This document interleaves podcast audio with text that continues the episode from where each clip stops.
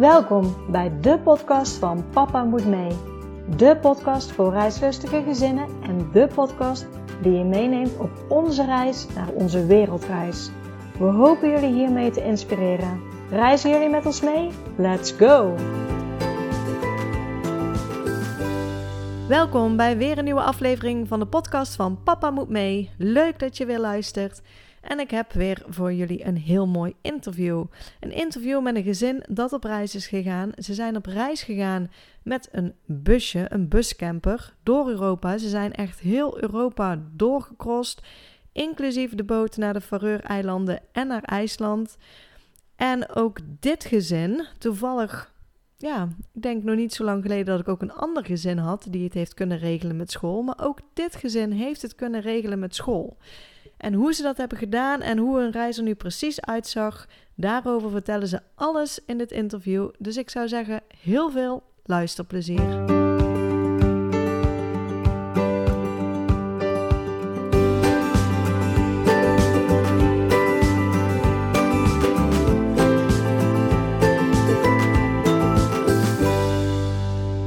Welkom Joost en Lorraine bij de podcast van Papa Moet Mee. Dankjewel, hallo. Hallo. Leuk dat je mocht uh, meedoen met je podcast. Ja, nou ja, altijd de eerste vraag eigenlijk. Zouden jullie jezelf en jullie gezin kunnen voorstellen? Nou, ja, dat is Joost. Nou, zal ik doen. Nou, mijn naam is uh, Joost, Joost Breider. 35 jaar jong, zeg ik ja. En uh, nou ja, Lorraine kan zichzelf misschien het beste voorstellen, maar we hebben drie jongens van 6, 4 en 2. Uh, Seb, Mika en Fik. Dus dat zijn uh, nou, flinke energiebollen, zeg ik maar. Dus uh, ze liggen nu allemaal te slapen, ja. dus het is nu heel stil thuis. dus dat, ja, dat over mij. En ik denk dat Lorraine zichzelf het beste ja, kan voorstellen. Ja, nou ja, ik ben Lorraine en ik hoor er ook bij. ik ben 31 en uh, ja, nou goed. Wij zijn dus YOLO-avonturen van Joost en Lorraine ooit zo ontstaan. Maar ja. ja, dat. Dat ja. Ja. Wil je nog meer weten? Ja, nou ja, daar komen we vanzelf op met alle vragen. Want ik ben ook wel benieuwd, zijn jullie altijd al uh, reislustig samen geweest? Um, ja, wie gaat er een antwoord geven? Hè? Dat... um, nou ja, op zich wel. We hadden altijd al de droom om weg te gaan. Alleen um, uh, onze oudste zoon die kwam iets eerder dan dat wij dat zelf bedacht hadden. Dat was echt een verrassing. Uh, hele welkome verrassing. En toen hadden we eigenlijk ook wel meteen zoiets van, nou dan is nu eerst even de focus op het gezin en het compleet maken van het gezin. En dan gaan we daarna uh, de, ja, de reizen weer oppakken. Dus tot, ja. tot nu, zeg maar, heeft uh, ja, de, de lange reizen, die hebben we op een laag pitje gezet. En wel gewoon altijd vakanties natuurlijk gedaan met het gezin. En Oostenrijk allebei wel, denk ik, ons favoriete vakantieland tot nu toe. Ja, want dan be begrijp ik dan dat, dat voordat jullie kinderen kregen, dat het dan wel zeg maar uh, langere reizen of verdere reizen werden gemaakt? Uh, nou, eigenlijk ook weinig. Ik zelf ben naar Amerika geweest, maar wij kennen elkaar nog relatief kort toen Seb uh, geboren, of ja, toen ik zwanger raakte van Seb. Dus relatief kort, ja, dat was, ik denk, ruim twee jaar toen. En we hadden, hebben vrij snel een huis gekocht ook. En expres snel gekocht met het doel van oké, dan gaan we daarna op reis. Dus we hebben dat huisje helemaal opgeknapt. Um, met het doel om het te verhuren of het met winst te kunnen verkopen. Nou, en toen was de verbouwing eigenlijk net klaar en toen bleek ik zwanger. Um, dus ja, toen uh, werden de plannen. ja. Moesten weer veranderd worden. Ja. ja. dus, um... heel, heel, heel herkenbaar. Hier is hetzelfde gebeurd. Dus, uh... Oh, kijk. ja. Wat ja. grappig. Ja, ik, denk, ik denk voordat we elkaar kennen dat we. Ik, ik heb zelf geen lange reis gemaakt, maar toen we elkaar leren kennen hadden we allebei wel gewoon gelijk van ja, dat, dit moeten we nog een keer doen. Ik vond het zelf wel gemist dat ik dat tot die tijd nog niet had gedaan. Nou, dat kwam door allerlei omstandigheden, maar ik zou wel tegen Lorraine inderdaad toen we elkaar leren kennen. En ik weet nog, het was op een, op, een, op een avond zaten we in een restaurantje in Nijmegen. We moeten gewoon gaan reizen. Ja, toen, toen kwam onze oudste zoon dan. Maar toen hadden we eigenlijk gewoon willen, gewoon willen weggaan. Ja. Dus dat is eigenlijk altijd wel... Ja, toen hadden we eerst alleen Seb. En toen hebben we eigenlijk ook nog wel op het punt gestaan om weg te gaan. Toen dachten we naar Azië te gaan. Maar toen kreeg jij wel een hele mooie kans op je werk. Dus toen hebben we dat toch voor laten gaan en besloten we nog een ander huis te kopen. Dus waar zouden we nu wonen. Uh, Dus ja, die hebben we toen weer uitgesteld. En dat, ja, zo blijf je aan het uitstellen natuurlijk, totdat we nu dachten. Nou nu ja, gaan we. wel- maar ook een beetje tijdens corona Ja. alweer, dat het toch wel weer wat sterker naar voren kwam van, ja, eh, nou ja, heel het land stond natuurlijk op slot. Dat we wel tegen elkaar zeiden op een gegeven moment in het tweede jaar van corona van ja, als we nog een keer willen, moeten we het misschien gewoon nu wel gewoon een keer gaan doen. We zeggen het al eh, acht jaar tegen elkaar. En nu, misschien is nu wel eens een keer het punt gekomen dat we gewoon moeten kijken, kunnen we het concreet maken? Dus ja, Ja. toen, toen, Echt concreet. toen zijn we het echt, of in ieder geval het verhaal concreet gaan maken van wat moet er geregeld worden, eh, wat hebben we nodig, welke stappen moeten we doorlopen, et cetera. Ja, toen is het echt weer gaan leven en eh, ja, nu, nu ben je wel weer besmet met het reisvirus. nou, we weer net Ja. al terug zijn, maar ja, dat is dan ook wel weer een... eh, Ja, en ook heel bizar om te merken dat als je dan dus weg bent en gaat, dat je denkt, waardoor heb ik me eigenlijk laten tegenhouden van tevoren? Dat je denkt, hoezo zijn we niet gewoon toch gegaan? Of hè, hebben we toch... Want ja, nu hebben we drie kinderen om mee te reizen.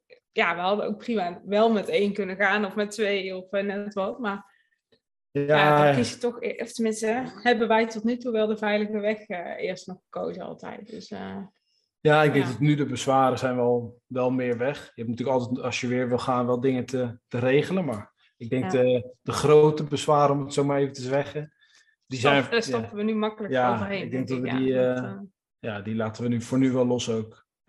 Ja, want, want eigenlijk was er dus al heel lang het verlangen bij jullie om samen op reis te gaan. In eerste instantie dus nog voordat er kinderen kwamen. Alleen eh, kwamen die dan eh, iets, iets sneller. Maar, maar het verlangen was er altijd al bij jullie. Dat spraken jullie dus ook regelmatig naar elkaar uit van dit is nog iets wat we samen willen doen. Zeker, ja. Ja, Ja. Dat we allebei wel heel sterk. eh, ja. Ja, dan ben je dus ook geneigd eh, toen COVID inderdaad kwam en dat verlangen nog sterker opspeelde. Dat we ook zeiden van ja, moeten we het dan niet toch gaan uitstellen en wachten? Ja, omdat we dan in eerste instantie wilden we eigenlijk buiten Europa op reis gaan. Eh, maar toen hadden we zoiets, ja nee, nu kan het nog relatief makkelijk met de kinderen, met de leerplicht. En ja, laten we dat gesprek op school aangaan. Ehm, en toen hebben we eigenlijk die plannen toch omgegooid en besloten in plaats van met een rugzak op, zeg maar, een camperbusje te kopen. Ehm, en in Europa te blijven. En dat, ja, dat, voor ons is dat echt een superkeuze geweest, want het was echt fantastisch. Maar Ja, ja, wel dat, dat was dan de wat meer safe keuze. Want het, Ja. eigenlijk lag de wens wel om richting, eh, wat meer richting Azië te gaan, in die hoek. of juist naar Nieuw-Zeeland. Of naar Nieuw-Zeeland. Australië. En er zijn nog wel wat landen inderdaad die ons trekken. Maar toen zeiden we wel van misschien is Europa dan met de camperbus wat safer. Je kunt alle landen, mocht het weer gaan opspelen. Kun je ook even naar boven, naar beneden, naar rechts, naar links rijden. Om het zo maar ja, even kort door de bocht te zeggen. Dus dat, dat was eigenlijk de enige ja, concessie, om het zo maar te zeggen. Ja, toch op zoek nog naar veiligheid hoor ik. Ja, ja niet zo ergens. gezegd, denk ik. Er, ergens wel, maar eh, ja, uiteindelijk is dat ook, eh, ja, ook een ontzettend gave ervaring geweest. Ja. Ja, en- blij dat we het zo gedaan hebben. Nou ja, j- j- jullie zeggen veiligheid, maar ik denk dat er veel meer gezinnen zijn die net als jullie ooit de droom hadden, maar uiteindelijk niet de stap gaan zetten. Dus nou ja, hoe, hoe veilig is het? Uiteindelijk hebben jullie besloten van acht jaar praten we er al over, maar nu gaan we het ook doen. En ik denk Ja. dat er heel veel gezinnen over blijven praten, maar uiteindelijk zeg maar niet die, die trekker erover halen en het, en het niet gaan doen. Ja. Ja. Want, want wat is bij jullie? Jullie zeggen van nou, corona heeft, heeft daar ook eigenlijk een grote rol in gespeeld. Wanneer kwam bij jullie eigenlijk het besluit? Want vaak is het het besluit dat je neemt van we gaan het nu concreet maken om echt het plan in werking te zetten. Ehm, ja, ik denk wel dat ik dat kan aanduiden. Ja, nee, zeg het maar. Ehm, nou ja, ik ben eh, gestopt met werken toen onze derde, toen ik zwanger wilde worden van de derde en toen de derde geboren was. Ehm, en toen was ik al een tijdje thuis. Nou, toen kwam dus inderdaad COVID en dat was ook best wel intens thuis, zeg maar, met drie van die kids Ja. en toen hier thuis. En, eh, nou, en Joost die was altijd maar aan het doordenderen op zijn werk en eh, nou, toen gingen we op vakantie. Ehm, dat is dus, even denken welk jaar? Tweede, eh, ja, 21 Ja. dan. En toen zei Joost inderdaad ook van, oh, het is eigenlijk zo fijn en gewoon met het gezin en, en ja, niet zoveel moeten en niet zoveel doen. Ja, gewoon het vakantiegevoel. Maar toen had jij ook heel concreet van, oké, dit is eigenlijk gewoon wat we willen. En maar dan heel lang, weet je. En toen zei ik, nou, dat is prima. We hebben hier al zo vaak over gepraat. Dus net wat jij ook zegt, en we hebben al zo vaak plannen gemaakt en al zo vaak bedacht van, oh, we gaan. Maar steeds komt het er dan niet van, of we, hè, we, zetten, we parkeren het weer. Dus ik zei, nou, dat is goed. Ik zei, maar dan moet jij de eerste stap nu gaan zetten. Ah, dat had jij gedaan. Toen heeft hij de schooldirecteur opgebeld en uh, gezegd, uh, nou, dit is wat we willen. En, uh, en ja, jouw eerste stap was heel duidelijk school, van ons allebei wel. Maar omdat jij dacht, dat wordt het allermoeilijkste om te regelen. Ik dacht nog, nou, dat zal het werk misschien worden van jou. Ja. Maar ja, nou goed. Ik weet niet... Ja, dus, dus eigenlijk ook meteen met, met het moeilijkste begonnen. Je hebt de telefoon gepakt en je hebt de schooldirecteur op, opgebeld. Want jullie oudste zoon was toen vijf dan? Of, uh... Ja, Sepp is, uh, die wordt in januari zeven. Dus die, is, uh, ja, die, is, die, die, was toen nog net vijf inderdaad. En die werd zes dan ja, in januari. ja, die, is, die is nu, nu alweer bijna zeven. Maar die, is nu, ja, die was zes toen we zouden gaan. Ja, dus jullie zaten dus, met leerplicht. Ja. Dus we zaten met, we zaten met leerplicht. En we hadden wel zoiets van nou, we hebben een hele fijne school. We willen eigenlijk wel dat de kinderen ook gewoon daar op de school blijven. Want ja, ik zeg het is gewoon. Ja, maar, Wij, en, en hebben we een fijn gevoel bij. Dus ik zei wel, dat is voor ons. Ja, was wel een vereiste dat de school daarin ja, wel. Dat we op goede voet zeg maar, met elkaar verder zouden kunnen als we terugkomen. Niet dat zij uh, ja. er niet achter staan. En dan, ja, dat, dat wilden we allebei niet. Dan hield het gewoon op als dat het geval was geweest. Dus zo kwamen we ook aan bij, uh, bij school wel, denk ik. Ik echt met knikkende knieën, letterlijk, dat ik dacht, oké, maar wat nu als ze gaan zeggen nee, dan houdt het dus op. Dan, dan, ja, of op, maar ja, voor een groot deel wel, denk ik. Dan was dat wel iets wat mij had tegengehouden in ieder geval. Ja, toen gingen we zitten. Toen zei de schooldirecteur, uh, ja, die was, ja, ik zal niet exact worden, maar ja, die was gewoon heel enthousiast over ons plan. En die zei van, nou, wanneer ga je? En hoe lang ga je? En uh, wat is jullie plan? Terwijl wij eigenlijk nog helemaal niet zo ver waren. Dat we dachten, ja, we willen heel graag gaan. En eerst maar eens horen of dat het allemaal kan en lukt. En hoe werkt het dan precies? Ja, en dat heeft ons in ieder geval heel erg gesterkt wel in, um, in dat uit gaan zoeken en uitvinden. Ja, in samenwerking met school, hoe we dat dan het beste ja, konden doen. Dus dat was wel heel tof. Dat, uh, want het, het, gesprek dat jullie hebben aangevraagd bij school, hebben jullie daarin al aangegeven van we willen graag voor langere tijd op reis en we willen kijken naar de mogelijkheden? Of hoe zijn jullie dat gesprek ingegaan toen met de directeur? Ja, wel redelijk, wel redelijk open, ook gewoon uh, ja, richting hem. En dan zeg hij was in die zin gelijk wel enthousiast, maar hij zei ja, ook, uh, ook we hebben dat te maken met, met leerplicht. Dus hij moet dan inderdaad ook het, het formele proces vanuit zijn kant gaan, uh, ja, gaan oppakken. Nou, dat is in dit geval de, de leerplichtambtenaar is dan de eerste stap. En uh, ja, dat was in ieder geval zijn eerste stap die hij toen heeft uitgezet vanuit, onze, ja, vanuit ons eerste gesprek. En ja, dat... Uh, ja, ja. Nou, dat was in die zin, één was daarin, die, zei, die zei eigenlijk wat het beste wat je kunt doen is je in een ander land inschrijven. Dus over de grens. De leerplichtambtenaar. De leerplichtambtenaar, dan, dan is eigenlijk dat een leerplichtambtenaar in die zin als je een, een vestigingsadres in een ander land hebt, of een school of iets. Dat is eigenlijk de makkelijkste route. Dan kun je ook gelijk in die zin een redelijk makkelijk akkoord uh, krijgen.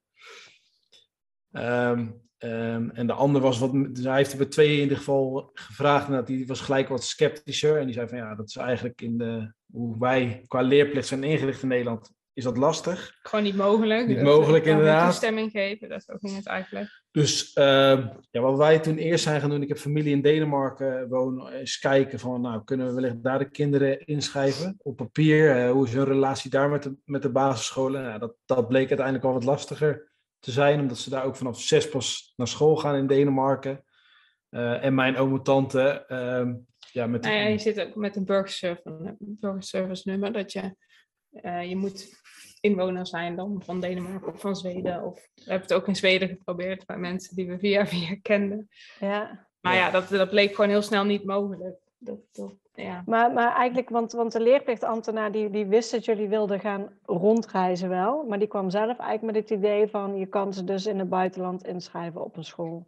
Uh, nou ja, e één leerplichtambtenaar. ja, want hij heeft er dus twee benaderd en gewoon een beetje, ehm, ja, wat zal ik zeggen niet specifiek gevraagd naar onze plannen, hè, of ons plan Oké, voorgelegd, maar meer gewoon een algemene zin van hoe werkt dat nou precies? En eh, ouders hebben zich gemeld of hè. Nou, en eentje die zei dus ook heel stellig van ja, ik, ik snap het en we krijgen dit vaker, dit verzoek, maar we kunnen op grond van de wet gewoon geen toestemming geven of hè, of hoe zeg je dat? Maar ehm, ook al zou ik dat graag willen, dus ja, dat, dat mag ik gewoon niet. En toen heeft zij meegekeken naar die oplossingen. Ehm, maar ja, goed, dat, dat eh, ja, eigenlijk is onze conclusie dat er eigenlijk nog steeds gewoon geen oplossingen zijn. Eh, of uitschrijven dan. Maar dat wilden wij eigenlijk liever niet, omdat we ook met een huis zitten. En dat natuurlijk wel weer, eh, ja, er zitten meer mensen met een huis hoor. Maar ik bedoel, we bleven niet zo lang weg, een half jaar. Dus ehm, ja, als het niet per se nodig was, wilden we dat eigenlijk niet. Dus zo stapten wij daar wel in. Ja. Ehm, Ja, dus Ja. toen hebben we eigenlijk inderdaad met school ja, gewoon besproken verder van ja, wat, wat zijn de andere ja, alternatieve routes die we kunnen nemen. En wat denk ik in die zin ook wel. Nou ja, ik wil wel iets toelichten, want ik had heel sterk. ehm, uiteindelijk hadden we de school zover eh, dat ze met ons wilden meewerken eigenlijk. Dus dat we. Sorry, onze koffiezetapparaat begint. eh, ik weet niet of je dat hoort op de audio. Die begint te brullen ineens. Ehm, sorry, ik ben even kwijt wat ik wilde zeggen. Eh, ja, dat school die wilde echt meewerken, maar ja, dan wordt het steeds duidelijker als ouder dat het gewoon heel moeilijk is en dat je dan ook misschien school in de problemen brengt. En dat vond ik een heel lastig stukje, omdat ik dacht, ja, wij kunnen dit idee hebben, maar ja, we willen niet iets, hè, dat school iets doet waarin ze ja, het niet, eh, niet juist doen of hè, niet, niet volgens de regels doen. Dus dat vonden we wel heel lastig. Dus ja, dat hebben we steeds wel ook met ze besproken. Zo van, joh, het blijft iets lastigs en moeten we uitschrijven, dan is dat misschien nodig. Maar goed, ja, dat, eh, dus voordat jij je verhaal afmaakt, dacht ik, dat wil ik nog even toelichten. Want, Nee, maar ja, dat, dat het is sowieso altijd een gesprek geweest met school. En ik, we hebben een hele fijne, hele fijne directeur die in die zin vind ik wel, ja, ik zeg open-minded naar zulke soort dingen kijkt. En ik vind ook wel, ik vind het Nederlandse systeem daarin een beetje ja, ouderwets. Als je dat vergelijkt met heel veel landen, Ja. dan kan dat gewoon. En, Ik denk ja, dat je niet de enige bent. Nee. ja, ik, ik had bijna op een gegeven moment zelf het gevoel van, eh, ja, ik, ja, ik wilde het gesprek gewoon eigenlijk aangaan. Maar Ja. weet je, dan, dat heeft geen nut, want dan loop je tegen heel veel deuren, levels, et cetera aan. Dus dat, Ja.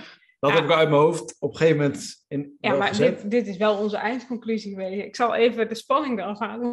We zijn uiteindelijk gewoon gegaan. We hebben niks gedaan. Dus we hebben niet gemeld, niet ge... Hè? We zijn gewoon gegaan.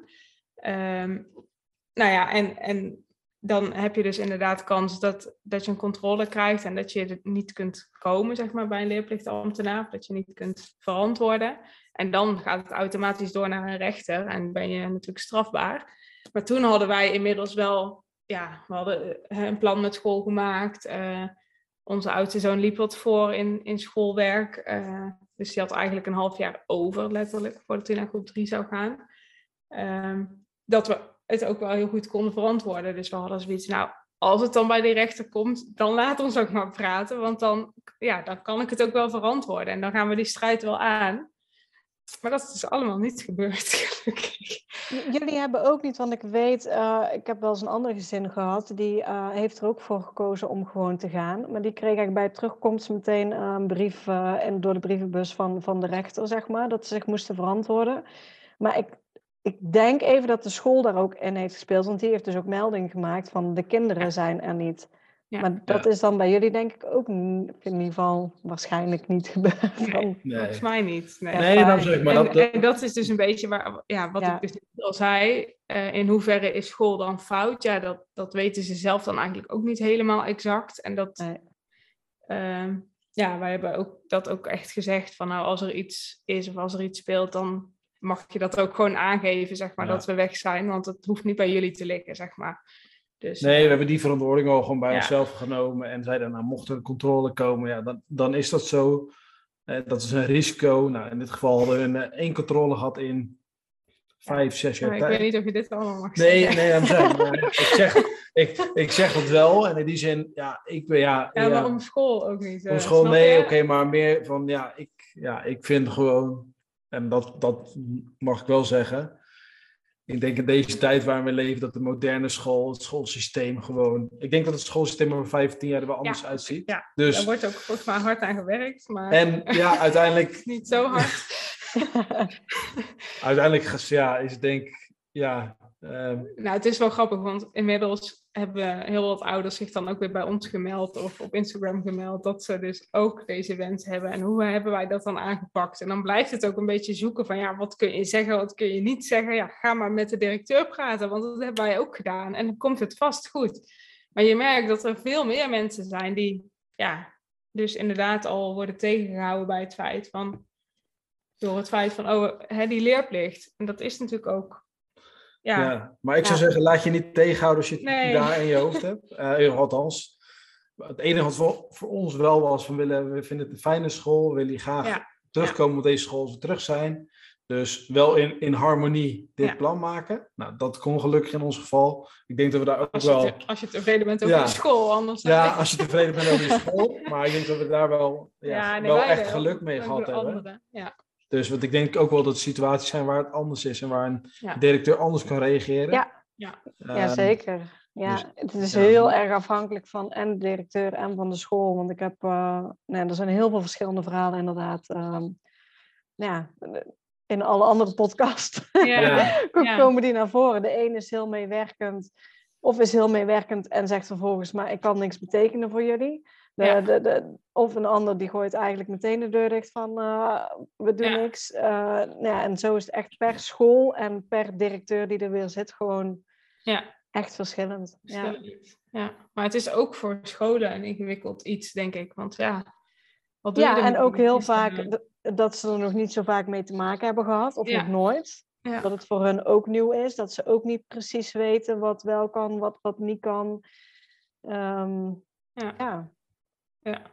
Nou, en dat vroeg onze directeur ook, maar waarom willen jullie dan niet uitschrijven? Nou, en dat was met name ook door al die regeltjes die daar dan weer hè, aan vasthangen. Maar inmiddels hebben we ook wel zoiets, nou, dat moet volgens mij ook best wel allemaal.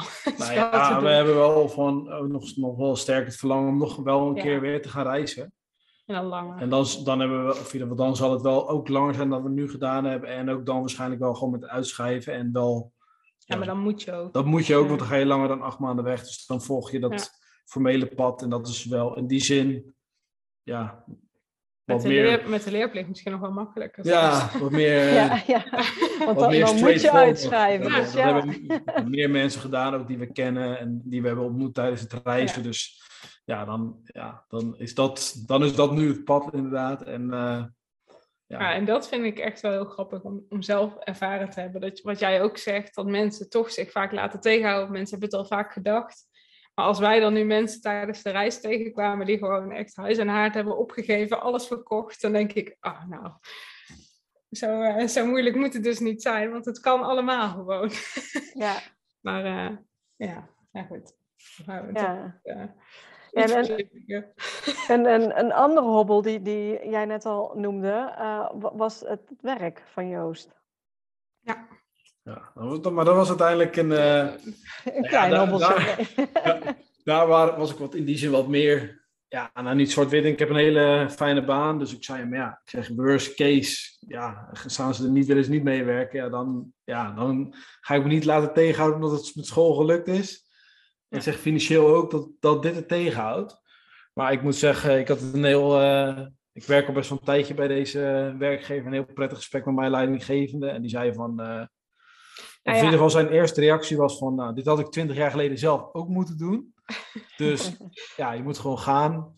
Maar ja, dan, heb je intern natuurlijk wel nog wat gesprekken met, ja, dan moeten meer mensen daar uiteindelijk, ik werk voor een ja, internationaal corporate bedrijf, wel een akkoord voor geven. Ja, maar wel misschien even toelichten dat je... Joost heeft zijn ouderschapsverlof opgespaard, zeg maar, van alle kinderen. En wilde dat nu in één keer opnemen. Dus het was niet zo dat hij ontslag wilde nemen of onbetaald verlof, maar het was onbetaald ouderschapsverlof. Mhm. Ehm, alleen mag dat dan niet, of normaal gesproken binnen jullie organisatie is het niet gebruikelijk om dat aan één stuk op te nemen, zeg maar. Dus daar moeten ze dan wel echt toestemming voor geven. Nee, oké, maar ik had wel buiten dat verlof, mocht dat echt niet werken. Dat heb ik natuurlijk opgespaard en het werkte gelukkig wel. Ja. Hè? Dus die- dat scenario hebben we ja, niet hoeven doornemen. maar uiteindelijk was, waren ze enthousiast. HR was in die zin ook uh, enthousiast. En ja, in die zin, uh, vanuit, vanuit, vanuit directie was ook wel van, nou ja, weet je, we werken, we werken iets andere structuur ook bij mijn werk, meer in teamverband in plaats van individueel. Dus ook van een goede test om te kijken hoe kan het team het opvangen als Joost een half jaar weg is. Ja. Dus het was in die zin, uh, ja, viel dat ook allemaal eigenlijk mooi samen. En eigenlijk het werk was eigenlijk, ik denk van de, van de drie grote hobbels, denk de meest eenvoudige. Ik achteraf, maar vooraf, uh, ja. Was ja, maar uiteindelijk was het, is het denk ik in uh, een paar weken tijd geregeld. Ja. En had ik uh, gewoon om dat verlof ja, zwart op wit. En, het is ja. denk ik ook meer iets wat, wat eerst heel lang in je hoofd speelt of zo. Dat je denkt, ja, maar als ze het nou niet goedkeuren, dan moet ik dus ontslag nemen. En uiteindelijk kwam jij zelf op het punt van, nou, dan is dat zo. Of hè, dan, dan moet ik daarna of weer opnieuw solliciteren of ik ga een andere baan zoeken. Maar voordat je op dat punt was, ja, toen waren we dus inderdaad acht jaar verder. dat, uh, ja. ja, toch? Want... Nee, maar dat is misschien ook ja, een, ja, ik zeg een stukje rust in jezelf die je dan op een gegeven moment als je wat ouder wordt vindt. En ja, ik, ik vind mijn werk superleuk. Ik heb superleuke collega's en uh, ik, ja, ik, ik ga met plezier naar mijn werk. Maar ja, in die zin ja, mocht dat het tegenhouden, dan zullen er ook andere, zal er ook ander leuk werk zijn en andere leuke collega's. En dat had zeker niet mijn voorkeur. Maar ja, uiteindelijk hè, is het gewoon zo goed gegaan. Maar worst case, ja, dan had ik moeten solliciteren of had ik iets anders moeten zoeken. Nou ja, dan. Ja. Uh, ik, zeg, ja, ik zeg altijd, zijn, er waren ergere hobbels in mijn ogen. Dus dit was eigenlijk. Ja, dit was eigenlijk, eigenlijk dit was de laagste, de, de, laagste drempel ook in ja. hoe het geregeld was uiteindelijk. Ja. Dus nee, dat was heel, eigenlijk heel eenvoudig. En uh, ja. Ja uh, nu... de andere drempel was inderdaad ons huis. Hè? De, de hypotheeklasten die gewoon doorlopen en zo. Uh, om dat dan verhuurd te krijgen. Maar dat is ook... het is een soort van allemaal goed gegaan bij ons, als ik het nu zo... Ging ook heel makkelijk. Ja, toevallig. Ja. ja, ik weet niet of jij of ik het vertel. Het, uh... Nou ja, ik zet de derde hobbel. Ik doelde meer op financieel. Maar oh, sorry. Ik, dacht...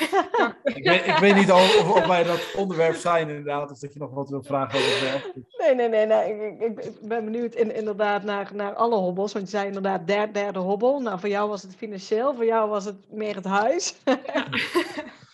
ja, dus ook wel financieel hoor. Maar dat, dat, ja, want ja, het raakt natuurlijk wel samen. Het raakt natuurlijk elkaar, maar, maar laten we inderdaad met, met het huis beginnen. Want ik weet dat daar ook heel veel mensen tegenaan gaan. Je gaat een half jaar weg, je vaste lasten lopen in principe door. Ja. Uh, nee, ja, je gooit net al uh, verhuren aan. Dat wordt vaak inderdaad dan als optie gezien um, om de lasten te drukken. Ja. Hoe, hoe hebben jullie dat aangepakt? Uh, ja, wij hebben in die zin dus heel veel geluk gehad, want wij speelden met het idee om het huis dan te verhuren. Alleen is dat dus voor een periode van een half jaar, uh, nadat we hebben geïnformeerd bij makelaar en zo, uh, hoorden we dat dat dan wel lastiger wordt, om, ja, dat het dan relatief kort is, de verhuurperiode. Um, dat het wel kan, maar ja, goed. nou ja, en toen gingen vervelend genoeg onze buren uit elkaar um, en verkochten zij het huis, naast ons dus. Ja, en zij uh, had op dat moment nog geen nieuwe woonruimte toen wij besloten dat we, dat we op reis gingen. En toen hebben we dus met haar uh, afgesproken dat zij ja, letterlijk een deur op zou schuiven uh, en tijdelijk in ons huis zou wonen. En dat werd nog even spannend, want in, voordat wij weggingen kocht zij een nieuw huis en zou ze de sleutel ook al hebben ja, tijdens onze verhuurperiode. Maar dat moest zoveel aan dat huisje gebeuren dat zij daar gewoon niet kon wonen. Dus toen heeft ze alsnog ons huis uh, gehuurd. Tegen ja, iets lagere kosten dan, hè, dan, dan onze maandlasten. Maar wij waren al lang blij dat er iets van gedekt was. En dat we niet ja, ons huis aan wildvreemden moesten afstaan. Want dat vond ik nog wel uh, spannend. Ja. ja, en wat misschien wel goed is om te zeggen voor dat verhuur. Want ik heb natuurlijk daar heb ik, ja. ben ik ook wel ingedoken. En ja, officieel als je een hypotheek hebt, mag je eigenlijk vanuit de meeste ja. hypotheekverstrekkers je huis niet verhuren. Ja. Dat is nu wel iets aan het versoepelen bij een aantal van die aanbieders, dat het wel kan. Uh, dus daar, ja, dat is wel zeg, een tip om, als je dat verhuurt, dat je daar goed naar moet kijken. Ja. Wat wij uiteindelijk wel gedaan hebben, is gewoon ons huis wel gewoon echt uh, gewoon goed verzekerd. Ja. En de verzekering ook gezocht met van, nou, Waarvan iemand, wel, we verhuren het, we hebben wel een, gewoon een huurcontract ook. Ehm, nou, die heb ik zelf in dit geval ja, opgesteld omdat ik dat wat vaker had gedaan. Dus die zeiden van nou, als je dat gewoon hebt, gewoon aangeeft dat het verhuur is, dan ja, er zit een kleine oplage in je verzekering, maar dan ben je gewoon verzekerd voor eigenlijk ja, Voor alles. ja, alle zaken waarvoor je verzekerd wil zijn. Dus op zich is daar ook wel ja, een route in te vinden. En ik denk op zich, die markt qua verhuur is op zich nu ook wel redelijk interessant. Zeker voor de wat langere periode. Alleen wij gingen natuurlijk een half jaar. Dus dan, ja, dat, dan wordt het wel wat uitdagend. Omdat de meeste mensen dan toch wel op zoek zijn naar een jaar huur. Of een echt- jaar. Ja, Ex- Experts die dan goed betalen, bijvoorbeeld. Die willen dan niet Ja. een jaar vaak. eh, ja. Ja. Hebben jullie uiteindelijk jullie hypotheek ingelicht dat, er, eh, ja, dat Nee. jullie het huis gingen verhuren? Nee, niet gedaan. Ja, Nee. dat doen- de meesten niet hoor. Omdat Nee, er maar- inderdaad wel eens in, eh, clausules in staan en in feite als je het verhuurt en je Ja. gewoon je hypotheek blijft betalen, dan Nou, precies. En, let en er eigenlijk niemand op. Ja. En dat is wel iets wat wij ook hebben geprobeerd af te dekken. Ondanks dat we het eventueel zelf op konden vangen, hebben we onze huurster gevraagd ehm, om vooraf alle huur te betalen. En dan zou zij een korting krijgen zeg maar, op de huurprijs. Eh, en ja, dat, we wisten dat dat in haar geval, eh, haar geval zou kunnen, omdat zij natuurlijk eh, haar huis ja, had verkocht zelf. Dus zij is daarmee akkoord gegaan. En daarmee hadden wij ook wel zoiets van, oké, dan hebben we daar geen zorgen meer om als we weg zijn. Dan weten we gewoon van, oké, de hypotheek kan betaald worden. En er is niemand die daar, eh, ja, we hoeven daar dan geen slapende honden voor wakker te maken, zeg maar. Dat was Nee. gewoon, eh, ook al kun je het zelf opvangen, je wil niet dat het per ongeluk misgaat of zo. eh. Nee, en je Ja, wil voor jezelf gewoon een worst case ja. scenario. Als je huis bijvoorbeeld wordt ingebroken of Ja. In, ja, dat er vuur zou ontstaan, dan wil je gewoon weten van, ja, ben ik dan verzekeringstechnisch gedekt? Dat Ja, vind ik eigenlijk zelf gewoon eigenlijk het meest belangrijke nog naast het vuurstukje. Nou, dat konden gewoon, dat kun je gewoon met een, nee, een aantal verzekeraars gewoon goed, goed afspreken. Die zijn daar wel iets flexibeler in dan de, ja, eh, dan de hypotheekverstrekkers. Ja. Al is dat ook wel aan het veranderen hoor, dus eh, dat zou ook over drie jaar weer anders eruit kunnen, kunnen zien. Er is hoop, mensen. Er is ook, ja. Ja, nee, dus dan hebben we een stukje al financieel gehad, maar dat dan zeg maar ehm, de financiële hobbel. Ja, nou ja daar, daar- dat is natuurlijk ook wel in die zin eh, ja, wel ook een groot onderwerp. Eh, Ja. nou, voor ons hadden we in die zin, ehm, nou, ik was eigenlijk van tevoren, voordat we eh, zijn gereisd, heb ik eigenlijk heel veel ja, blogs, vlogs, websites gelezen, eigenlijk van ook mensen die gere- gereisd hebben. En ja, een beetje budgetten kun je dan wel vinden van wat je per dag, ja, wat een beetje de ja, gangbare budgetten zijn. Dus uiteindelijk had ik voor mezelf van nou 70 euro per dag ongeveer. Dat moeten we denk ik als budget aanhouden voor, voor, ja, voor reizen. Eh, om gewoon ja, eh, je overnachtingen, je eten, et cetera, om dat gewoon daarvan te kunnen doen. Ja, netjes. Ja. Dus dat was, ja, ik zeg een kleine 500 euro per week. Nou, uiteindelijk is dat wel ook gewoon redelijk, eh, ja, was dat wel het budget wat we ook gewoon uiteindelijk kwijt waren. Het enige wat een beetje wat duurder was, was toch het brandstofstukje. Ja. We hebben veel gereden, dus daar waren we misschien achteraf op, op heel de reis wel iets meer geld voor kwijt. Maar verder waren we toch wel, kwam dat budget toch wel redelijk overheen eh, voor ons met dan drie kinderen en eh, twee Ja. volwassenen. En, en wij hadden ook wat best wel een ja, intensief ehm, reisschema, waar we best wel veel landen bezocht hebben in, eh, in een half jaar tijd. Ja, ik wilde nog wel toevoegen dat, dat nou ja, we zijn bijvoorbeeld naar IJsland geweest en we wisten vooraf eh, de reis naar IJsland toe. We zijn met onze eigen bus geweest. Ja, die is gewoon heel kostbaar, dus dat hebben we wel buiten die budgetten gehouden, Ja. omdat dat gewoon, eh, dat was niet realistisch geweest, zeg maar, als we dat hadden meegenomen. Nee. Dus dat is misschien goed om toe te lichten, ik weet niet. eh, Nee, die, die zat er buiten, maar verder we hebben ook een aantal Ja. een ferry van Italië naar Griekenland genomen en nog een, in, in Albanië ook een boot. Dat zat gewoon allemaal wel, wel in dat budget. Alleen de grote over, ja, oversteek naar IJsland, dat hebben we losgekoppeld.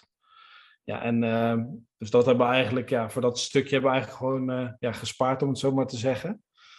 Acht jaar lang hebben- al. Nee. Ja, Ja. nou ja. Ja, we, zijn nu weer, we zijn nu weer opnieuw begonnen te sparen. Dus eh, ja, het, ja, als je weer wil gaan, heb je toch weer geld, eh, geld nodig. Ja, en het tweede was dan ja, de, het vervoer natuurlijk. Eh, we zijn uiteindelijk voor een camperbus gegaan. Eh, het eerste idee Die ook geld kost, ja. ja, nou ja, het eerste idee was, was, was een camper. En, eh, maar we kwamen eigenlijk tot de conclusie van, ja, we, dat we eigenlijk, we wilden geen camper. eh, we wilden echt een busje.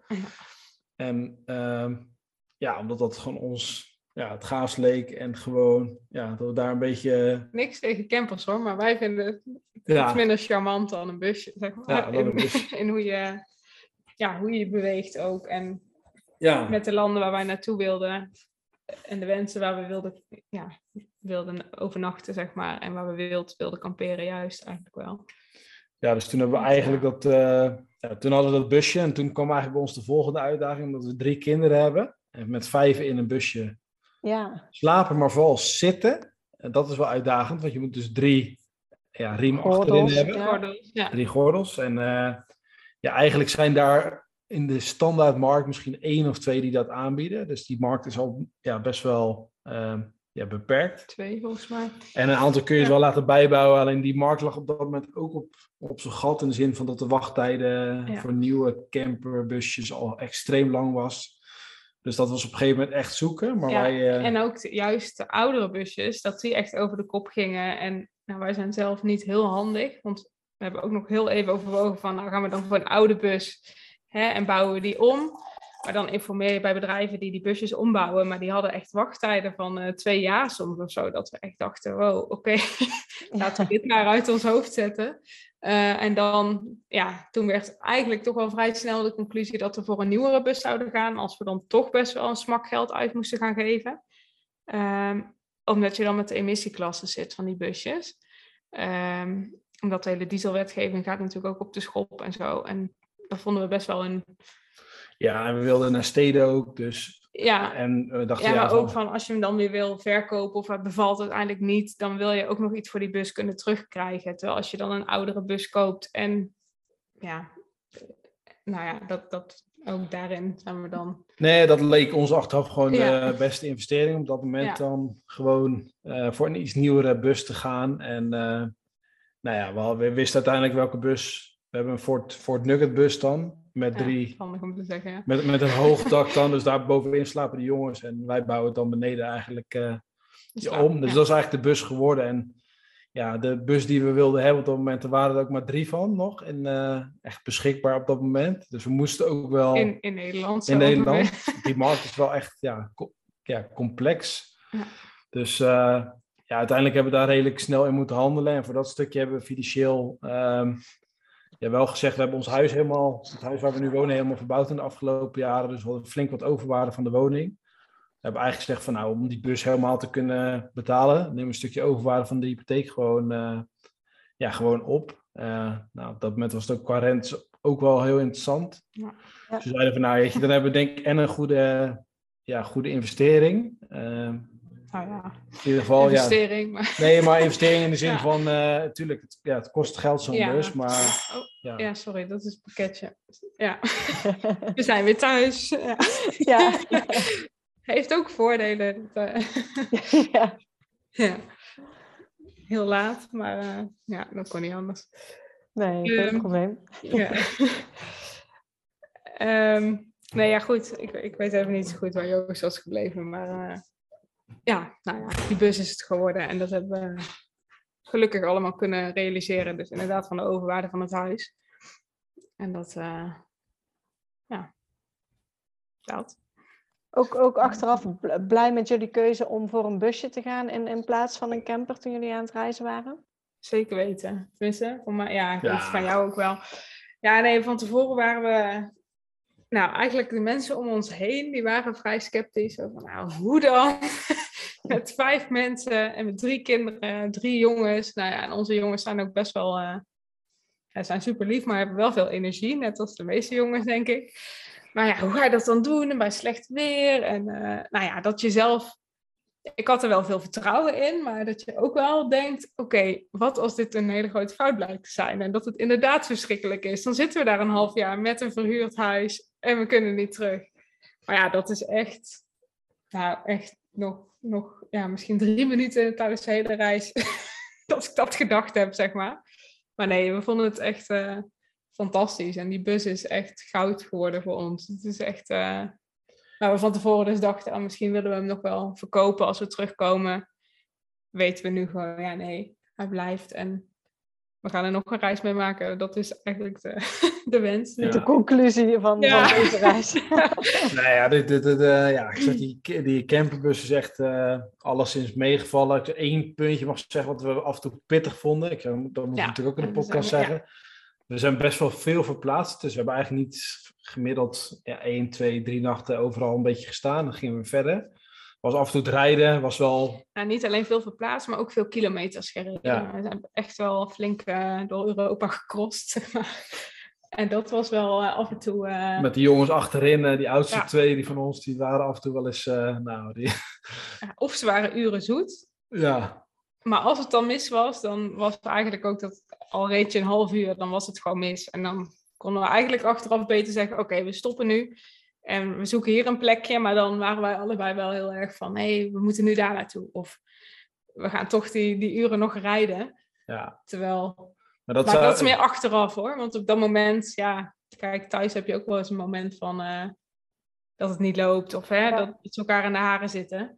Maar het viel daar heel erg op, omdat dat dan eigenlijk de enige momenten waren dat ze dat deden. En hier thuis is dat gewoon veel vaker en is het, Ja, Ja. dus achteraf zeiden we wel van, nou weet je, eh, ook voor eventueel een volgende reis, dan, dan moeten we dat, willen we dat wel iets relaxter doen en laten we de rijden wat meer, ja dat zal af en toe nodig zijn, maar proberen we iets relaxed te zijn en wat meer eh, ja, on the flow, om het zo maar te, eh, ja, om het zo maar te zeggen. Maar ik zeg ja, dat is dan eigenlijk het enige puntje en ze hebben met z'n drieën bovenin daar gelegen en ja, tuurlijk is er wel eens eentje ziek geweest of wat dan ook, ja, weet je, dan, tuurlijk is dat wel even dan op dat moment even uitdagend. Maar echt, no way. Ik ben heel blij dat we niet van, in dit geval gewoon voor, wel voor onze camperbus zijn gegaan, wat wij zelf Ja. graag wilden. En natuurlijk, een camper heeft ook voordelen en gemakken. Dat hebben we ook om ons heen Ja. gezien. Alleen ja, dat is ook een beetje van, ja, ook wat je, waar je zelf gewoon graag, weet je zelf gewoon graag wil. Dus dan moet je een beetje, ja, dat is ieder zijn keuze. En eh, ik kan ook de keuze omgekeerd goed begrijpen dat mensen voor Ja. een camper gaan. Ja. Alleen het was niet onze keuze en ja, eh, onze keuze was de bus. En ja, de, ja, dat is alleen maar meegevallen. En voor ons was het een hele goede keuze. Ja. Ja. Ja.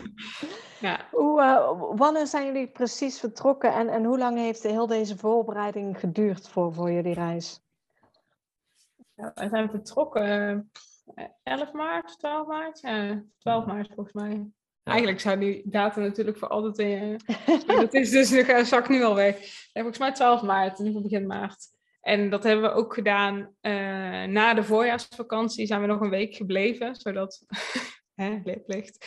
Eh, zodat je, ja, als er een controle zou komen, we er dan nog zouden zijn, zeg maar. En dan hadden we dus weer één moment korter dat er misschien een controle zou zijn.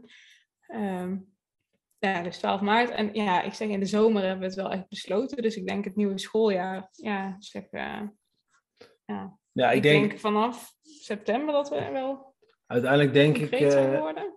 ja, Ja. voor geval, toen is het een beetje gestart. En ik denk dat we uiteindelijk de- in twee, drie maanden tijd eigenlijk een heel eind waren met Ja. alle ja, grote eh, punten.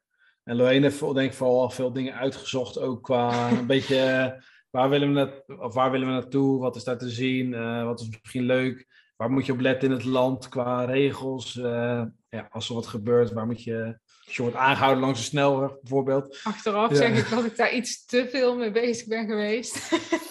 maar ik had het echt volledig uitgewerkt. En we zouden die nacht daar staan. En niet dat het een exact plan was van dit is hoe het moet of zo. Maar wel iets waar we op konden terugvallen. Maar achteraf eh, zeg ik, nou, ik zou dat nooit meer doen. Ik zou echt, eh, ja, gewoon wat wil je zien?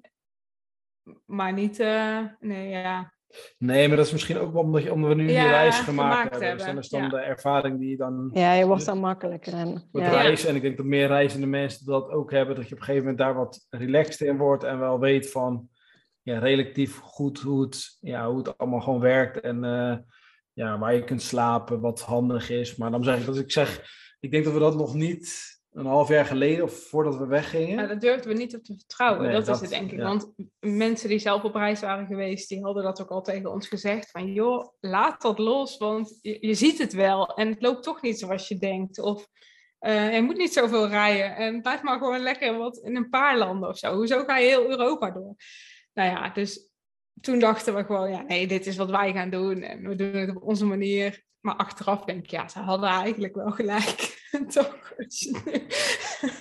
We hebben er ontzettend van genoten, hè? begrijp me niet verkeerd. Maar ja, Ah, je zou nu wel dingen anders doen, maar dat is Maar ja, dat is, dat is hetzelfde Ja. als in het normale leven. Ja. Je komt op een gegeven moment, ja, je krijgt inzicht door iets te doen. Eerst ervaren. ja. Ja. vallen, Ja. en vallen, ja, Ja. vallen en opstaan. Maar ja, ik zeg, natuurlijk hebben we ook deze reis dingen gezien die we ja, wellicht een volgende keer anders zouden doen. Ja, maar dat is denk ik ook denk ik wel logisch, omdat je Ja. Die, ja, door die ervaring ja, komt dat uiteindelijk tot stand. Ja, en misschien dat ook de, je reisbehoefte ook wel verandert. Omdat we wilden dit al zo lang en dus wilden we ook alles uit die reis halen wat erin zat. Omdat we aan het begin dachten we echt nog van, oh ja, en nu kan het nog. En dit is ja, once in a lifetime, dat mensen dat dan ook tegen je zeggen. Ja, Eh, dus dan wil je ook alles. Alleen, ja, inmiddels zijn we daar wel een beetje van teruggekomen. Dat we denken, ja, je hoeft niet alles te zien. Want het is elke dag waar je bent, is het al anders. anders. En is het al fijn. En Ja. ja, nou ja, ik ben wel Hoe, blij dat we het hebben gezien. Maar Ja, hoe, hoe zag jullie route eruit? Want daar ben ik nu wel eh, nieuwsgierig naar geworden. Ehm, Ja, la- nee, die We zijn eh, ja, eerst vaart naar Italië gereden en daar hebben we de boot gepakt naar Griekenland. En in Griekenland zou de reis dan echt een beetje starten. Eh, dus toen, ja, het plan was Griekenland, de Ionische eilanden. Ehm, we merkten daar al dat dat iets moeilijker was dan dat we van tevoren hadden bedacht, omdat het seizoen daar echt nog totaal niet was begonnen. Eh, dus uiteindelijk hebben we niet alle Ionische eilanden gepakt, maar alleen. ehm, niet zo vindt ik. Kefalonia. Kefalonia kwam er even niet op. Wat wel heel leuk is om te vertellen over Kefalonia, is dat op een gegeven moment ging ik een koffie to go halen daar in, ja, op het eiland. En eh, ik kwam daar binnen in een cafeetje. En ik kreeg uiteindelijk kreeg ik hem dus een plak cake van die mevrouw. Maar jullie zijn de eerste toeristen die we hier zien. Ja, dan, ik denk dat het iets van 20 maart was of zo. Dus je krijgt van mij een plak cake. En, en dan zeg ik, ja, dat, ja, die, die mensen, je bent dan ook niet echt een toerist. In de zin van, ja, je bent echt een Ja, je moet, je moet eerst even Ja, maar- context geven, want dat hele eiland was gewoon totaal uitgestorven. Er was gewoon niemand. Ja, dat is bizar. De bewoners op het Ja, eiland. de bewoners, maar zelfs die zag je amper, alleen in de steden. Ja, Dus die vrouw die was een soort van, ja, nou, de vlag ging nog net niet uit dat er toeristen waren. Maar goed, dus eh, misschien voor later. Ik zal eerst de route even afvertellen. Naar Griekenland, Albanië, Montenegro. Montenegro zijn we sneller doorgegaan dan dat we wilden, omdat het daar heel slecht weer was toen we daar waren. Toen gaf je echt twee weken alleen maar regen aan. Eh, dus toen zijn we iets verder Bosnië ingegaan. Eh, toen een weekje Kroatië, omdat vrienden ons daar kwamen opzoeken. Slovenië. En toen zijn we eigenlijk weer naar boven gegaan. naar Denemarken, IJsland, Faroe-eilanden. En toen was het plan nog Zweden, maar uiteindelijk eh, nee, hebben we... Noorwegen. Oh, sorry, dat bedoel ik. Eh, Noorwegen. En toen zijn we uiteindelijk gegaan voor Zweden. En dat eh, ja, had en te maken met het weer, maar ook wel eh, met onze ervaring in IJsland en op de Faroe-eilanden. Dat we toch gekozen hebben in het, hoog, was in het hoogseizoen dus. Ehm, ja, voor Zweden en niet voor Noorwegen, omdat we bang waren dat, eh, dat we dan ook echt aansloten bij, eh, bij het toerisme, zeg maar. Dus, ehm, Nou, en, toen, en toen trouwens nog Frankrijk. Ja. toen zijn we naar beneden gereden en hebben afgesloten met vier weken Frankrijk. eh. En ook wat vrienden ontmoet. En, eh, dus dat was ook, wel, was ook wel leuk. Maar dat ja, was meer van ook die laatste maanden.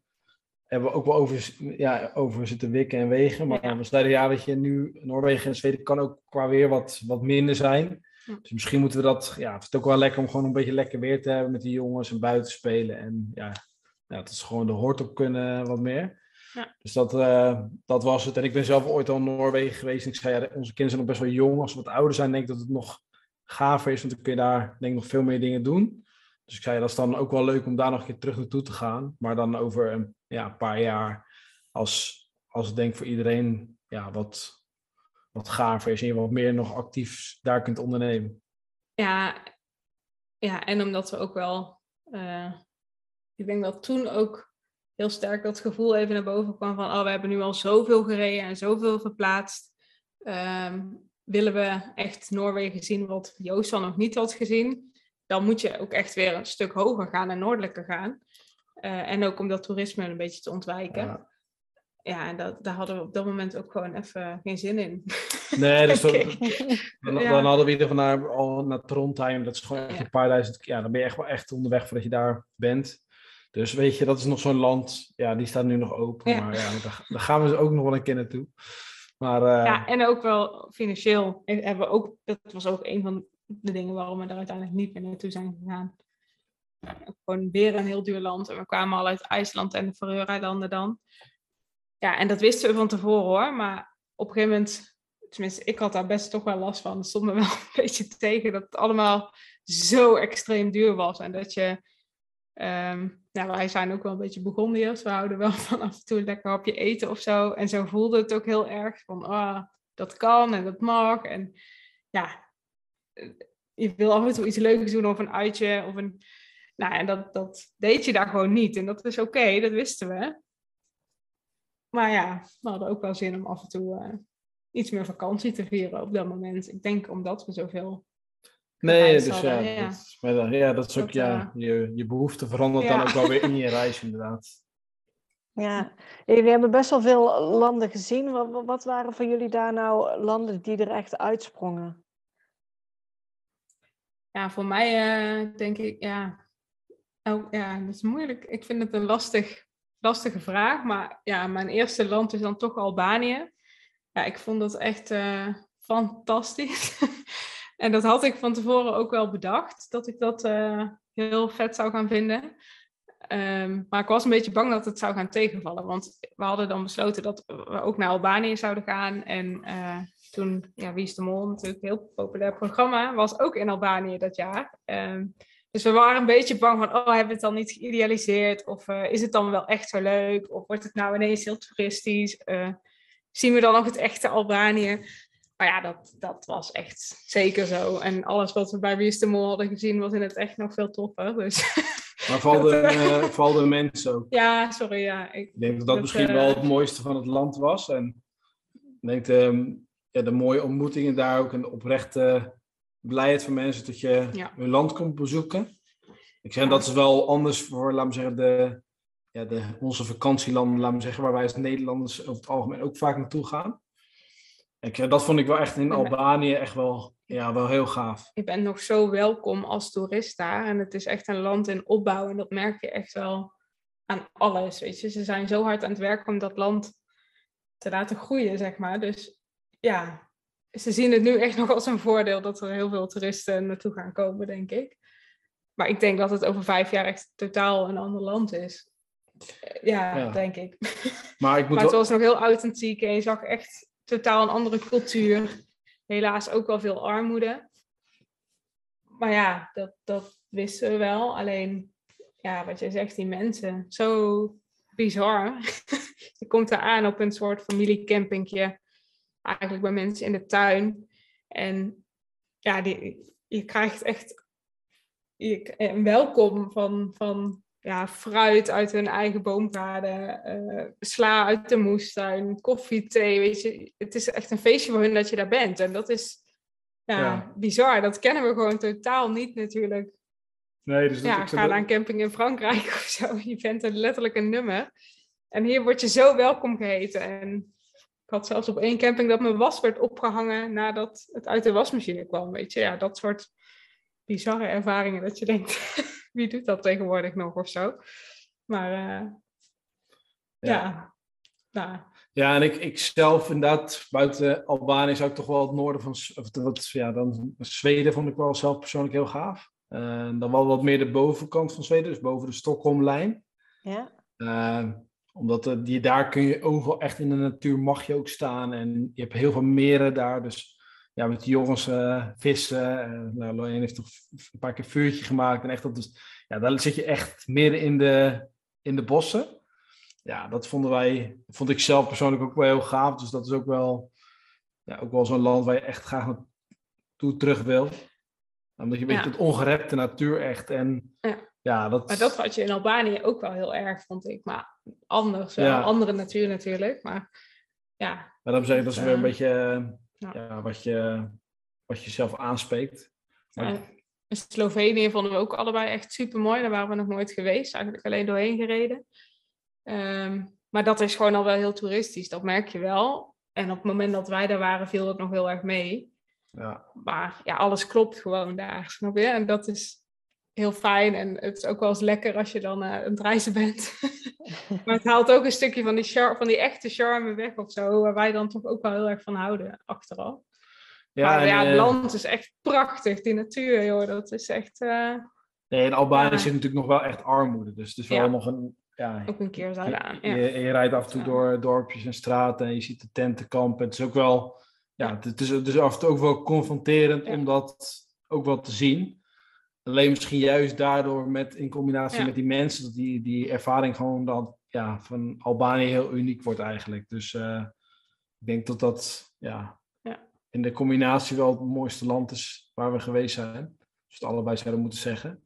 Ja, en we hebben, het is wel jammer, vind ik. Want in Albanië, het noorden van Albanië, was gewoon veel te koud toen wij daar kwamen. Dus daar lag echt nog op plekken gewoon twee, drie meter hoog de sneeuw. Um, ja, echt in de, in, de, in de bergen, zeg maar. En we hadden wel bedacht dat we daar naartoe zouden gaan, maar dat kon dus gewoon niet, omdat het ja, dat is gewoon echt niet toegankelijk. En heel veel wegen zijn daar al gewoon echt alleen voor een 4x4. En dat wisten we wel, alleen ja, dat vond ik achteraf wel eens jammer, dat je denkt, oh, dat hebben we dus gemist, of dat, uh, dat kon niet met onze bus, of... Maar ook wel ja, een goede en, reden om terug nou, te gaan. Nou, zeker, zeker. ja. Nee, maar dat... Uh, Terwijl ik denk dat het, dat het nog mooier is, juist dat gedeelte zeg maar, van de natuur van Albanië. Want ja, nou ja, goed. Ik zeg al, Albanië heeft echt alles. Dat is een beetje mijn uh, ja, mensen, strand, natuur schoon, bossen, bergen, ja, alles. het klopt gewoon voor mij. Ja, gaaf. Ja, dan hebben jullie ook op Vareur en, en IJsland gedaan. Dat is iets wat je ja, de meeste mensen met een camper door Europa, nee, dat wordt niet zo snel genoemd. Nee. Hoe, wat was daar jullie ervaring? Nou, dat is dus wel grappig dat je dat aanhaalt, want voordat we dus gingen, uh, hadden we zoiets van, nou oké, okay, COVID, we gaan door Europa, maar dan gaan we wel naar IJsland. Want dat is iets dat we allebei al heel lang willen zien. En nou, als we daar dan voor kiezen, dan nemen we dat sowieso mee, ongeacht wat het kost. Nou, dan uiteindelijk ga je die ferry boeken. En ik denk dat dat een van de redenen is dat veel mensen het laten liggen. Want ja, wat waren we kwijt? 4000 euro of zo bijna. Ja, uiteindelijk zijn we op ja, een maand weg geweest, waren we ja, rond 4000 euro kwijt. Ja, voor, voor de, de, overtocht, voor de dan, overtocht. Hè? Dan heb je verder nog niks. Um, ja, dus dat is best wel flink natuurlijk. En dan heb je je campings nog en je, ja, je eten, je drinken, wat ook al super duur is. Um, maar goed, we hadden echt super hoge verwachtingen ook wel van IJsland. En ja, dat heeft het ook echt wel waargemaakt, deels. Uh, maar het is ons ook een beetje tegengevallen. En daar wil ik niet te negatief over laten komen. Want ja, ik zeg het is een prachtig land en ik had het echt niet willen missen. Maar ik zou er ook nooit meer terug naartoe gaan. En dat heeft eigenlijk wel te maken met het, ja, echt wel het massatoerisme wat daar... Uh, ja, ja, toch? Ik, het... ik, denk dat, dat dat wel de, Misschien het, ja, ik zeg, ik, ja, qua natuur is gewoon bizar. Dus ik zeg, ik vind, ben heel blij dat ik het gezien heb. Want je ziet daar wel echt dingen die je denk ik in Europa in de meeste landen niet echt kunt vinden. Alleen ik denk, ja, we stonden, is wel wat denk typerend is voor de drukte, is dat we ja, op een gegeven moment, ja, ja, uh, we de camping, of hier op het grasveldje overnachten we daar. Ja, dat ook. Even een camping, daar heb je misschien een voorstelling van, maar in IJsland zijn het gewoon ja, eigenlijk parkeerplaatsen, maar dan van gas. waar mensen echt camper aan camper aan camper staan. En het is echt, soms zit er gewoon 50 centimeter tussen die busjes en campers en verhuurcampertjes in. En het staat helemaal vol met mensen die dan s'avonds laat aankomen. En s ochtends vroeg weer weggaan. En dan s'avonds laat, het wordt natuurlijk niet donker in de zomer daar. Ja, dus dan komen ze om 11 uur aan en s ochtends om 7 uur gaan ze weer weg. Want we willen alles zien van IJsland. En dat is logisch, want het is natuurlijk een kostbaar land. Oh, sorry, ik viel je totaal aan de reden, want jij wilde eigenlijk voorbeeld nee, geven daarover. Maar... Nee, nee, nee, maar dat, dat, dat is ook een voorbeeld van de drukte. Maar uh, ja, ook op een gegeven moment uh, dat we naar een sightseeing plek waren, in de bus zaten. Naast ons kwam een auto. Die zet een drone op de auto. Blijven zelf in de auto zitten. Ja. Drone in de lucht. 10 minuten terug en weer wegrijden. Ja, We zijn zelf de auto niet, niet, niet uit geweest. En het waren ook echt toeristen. Dat, dat kon je gewoon zien. Ja, wel dus- echt bizar. Ja. Ja, toen Ja. zat ik wel echt, echt, echt zo te kijken van wat, ja, wat is dit? Dat En- wat gebeurt hier? Hoezo? Ja. maar ook, ja, maar, maar, j- maar jullie zaten ook in, in de zomer daar, want wij zijn zelf eh, dit jaar eh, in de meivakantie zijn wij in IJsland geweest. Ja. En toen was het niet zo druk in ieder geval, wat, wat, wat ik nu hoor overal. Want je mocht daar volgens mij ook bij campers, mocht ook wel eens bij watervallen, konden jullie ook overnachten, dacht ik. Of, Wij? eh, Of- ja, ik, ik, ik dacht busjes of campers zag ik daar ook wel eens staan. Maar Ja. nee, het was een, echt een enkeling, zeg maar. Het was niet hutje mutje, maar misschien ligt het aan de periode dan ook hoor. Eh, Ja, dat denk ik. Want wij dachten nog echt wel in het, voor, of ja, wel in het voorseizoen van het hoogseizoen te zitten. Want we zijn daar eh, juni waren ja, wij echt daar. helemaal begin juni. ja, volgens mij echt letterlijk 1 juni dat we daar mij, kwamen. eh, ja. Eh, en juni, juli, augustus zijn een beetje de... Ja, de, ja, maar begin juni zou je toch nog verwachten dat het ja, iets rustiger is ja, ook. Ja. het was dus echt niet. En we Zeker dachten, de, de onderkant van IJsland niet. En dan heb je ook natuurlijk de, de, nou, die cirkels, ik ben even de namen kwijt. Ja, Golden de Golden Circle. Ja. Ja. Ja, Ja, maar daar had ik het wel verwacht. Maar het was niet alleen de Golden Circle. Het was echt wel... Nee, maar aan de onderkant was het nog bizarder Ja, dan aan ja, het eh, ja, ja. Noord-IJsland. Hadden we wel plekken waar we iets Ja. relaxer stonden op campings. Ja, want iedereen extreem doet, drukte. Ja, met name het zuiden, zeg maar, vooral als je minder Ja. lang hebt. En als je langer hebt, kun je natuurlijk heel het rondje doen. Ja. Ja. Dus dat een beetje, ik denk dat dat gewoon ons op, ja, dat, dat, dat een beetje, ja. Ja, en dat is, ik had soms echt een beetje het gevoel van, oké, ik, ik ben in een pretpark en we staan in de rij om hè, ja, een natuurwonder letterlijk te bekijken of zo. En dat is helemaal op die Golden Circle. Ja, iedereen die komt daar natuurlijk voor die geizers bijvoorbeeld of voor de mega watervallen. Ja, dan sta je daar en dat haalt toch een beetje de, ja, de jeu eraf, om het zo maar te zeggen. Het is gewoon wel anders als je daar alleen staat of je ja, bent daar met duizenden mensen die daar eh, op één dag eh, ja, langskomen. Is echt, ja, we vonden het echt bizar, die drukte. En we hebben daar ons ook wel een beetje van proberen te distancieren. Want dan reden we net iets verder voor een andere camping die dan een beetje, ja, waar eigenlijk niks was, om het zo maar te zeggen.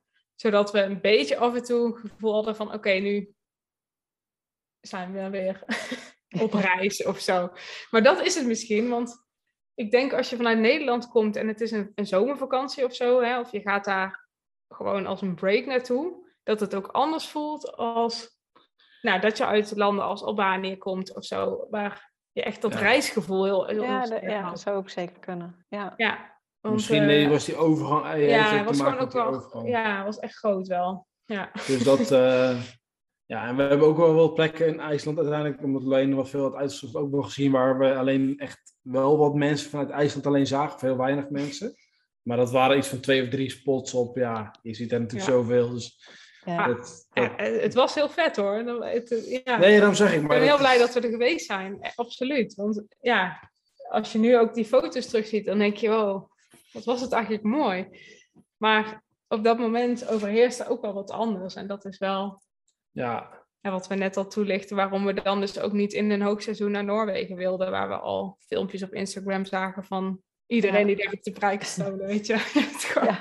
de, de, maar ja, zo, ja, er is niks mis mee, maar niet waar wij naar op zoek waren, zeg maar. nee, en het, zul- je toch in veel landen in die periode ook wel toch houden. Dus dan weet Ja. je dat, ja, of je moet echt, echt verder gaan.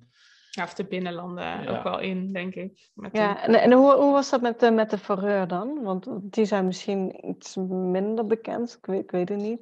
ja. Maar, Nee, toerisme was daar echt beduidend minder. Echt, ja, en dat vonden wij ook dus echt super fijn. en we hadden van tevoren wel bedacht dat we slecht weer konden hebben. Dus we hadden regenpakken bij en nou, daar ons echt wel op ingesteld. Genoeg binnenspelletjes mee en zo. Ehm, maar waar we eigenlijk minder rekening mee hadden gehouden, was dat daar zoveel mist hangt.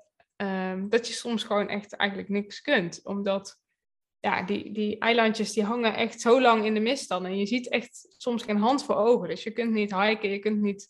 Ja, je kunt eigenlijk niks, want het is gewoon gevaarlijk om daar dan ja, rond te lopen. En je, ja, je ziet niks. Dus wat doe je dan? Ja, in je bus zitten. En, nou, en dat waren dan de momenten dat we achteraf wel dachten... oké, dit was wel weer een pittige dag. We zitten hier vast op dit eiland en dan is dus ook alles super duur. Dus als je dan een dagje, we hebben daar bijvoorbeeld een dagje, zijn we naar het zwembad geweest, een indoor zwembad. Ehm, ja, en dat doe je één keer, maar dan denk je ook, oké, nu is eigenlijk ons hele weekbudget op, weet je wel. Dat je denkt, uh, ja, dus er is daar ook wel wat meer budget doorheen gegaan dan dat we bedacht hadden van tevoren. Ja. Maar het, uh, maar het, ja, het, het, was super. Het, ja, nee, het Ah, we, hebben daar, we hebben daar één dag echt heel goed weer Ja, gehad. Stralen, twee, twee dagen. In ieder geval Ja. stralen, zon, eh, echt strak blauw hemel. En dan is het echt... Ik heb mijn ogen echt... Ik vond het echt daar echt, Echt bizar. Ja. In ieder geval, ik vond dat nog qua natuur nog ja, veel bizarder dan IJsland. ja, heel anders weer. En echt die rotsen, maar echt ja, filmachtige rotsen. Ja. Dus wat je eh, misschien in eh, ik zeg Lord of the Rings of zulke soort films, Ja. ja, echt van die soort type films ziet. Ik dacht van ja, dat was wel echt Ja, en dus inderdaad bijna niemand. Eh, amper. ja, veel rustiger. Ja. En, als het toeristen zijn, zijn het toch vaak oudere mensen die dan komen om te wandelen of zo, of vogels te spotten. Maar daar hadden we dus ook best wel, hebben we wat contact gehad met die camping-eigenaren die dan ook wel zin hadden in een praatje of dingen vertelden over het land. Of, Ja. Ja, het was totaal anders weer dan IJsland. Alleen het was wel ook intens, omdat het zo Ja, ja, dat komt slecht meer, was. meer door het weer dan in dit Ah. geval. En wat wel teleurstellend was, misschien wel leuk om te vertellen.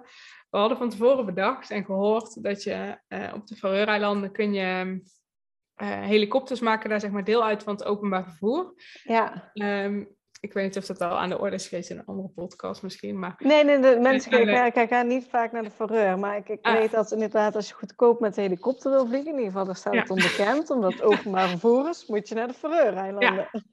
maar er zitten een paar maren aan. Kijk. En ook die wisten we al. Eh, je mag zeg maar niet. Het is bedoeld als een enkele reis. Dus je mag niet retour met de helikopter. Dus dan moet je dus of met een boot naar een ander eiland gaan en met de helikopter terugvliegen. Of met de helikopter heen of met de boot terug. Eh, nou, en dat is op zich te regelen, maar het weer ik, is een... ik dacht altijd dat- er een, een dag tussen moest zitten. Dat je niet op dezelfde dag heen en terug kon, maar wel als er een overnachting, in ieder geval als je de volgende dag dan ging. Ja, dat klopt ook. Alleen, nou, dat is dus nog een maar. Die helikoptervluchten, die zijn, eh, ja, er gaat dan maar één helikopter op zo'n dag natuurlijk van, ja, van punt naar punt. En die volgt zijn route. En heb je twee dagen van tevoren kun je inschrijven op die helikopter.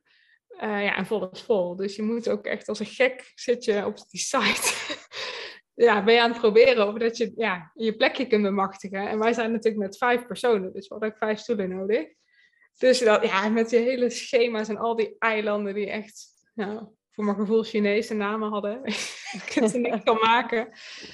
Eh, met vaarschema's daarnaast. Want ja, je, ja je, je wilde dan weer terug, het liefst naar je bus. Of je moest inderdaad, wat je zegt, een overnachting. Maar ja, dat bleek eigenlijk niet echt haalbaar voor ons. Dat kon dan op één eiland, konden we daar dan komen lopend. Omdat je dan ook geen vervoer hebt als je daar bent. Ehm, en dat was ook gewoon onbetaalbaar. Dat was op dat eiland zuidelijk. Ik weet dan niet hoe het heet. Ja, ik Ja, weet ik even weet de prijzen niet meer. Maar echt dat je denkt, nou ja, dan kan ik beter een rondvlucht boeken. Want dat is dan goedkoper. Maar goed, eh, we hadden het geregeld. En we gingen met die helikopter, was het plan, van een eiland terug, zeg maar, naar het vaste eiland. Dus we zijn s ochtends met die boot heen gegaan. En ehm, ja, toen Op de boot. toen kwamen we op de boot, kregen we een appje dat onze vlucht gecanceld was vanwege de mist. En dat was onze eerste ervaring met de mist. Want op dat vasteland was geen mist te bekennen.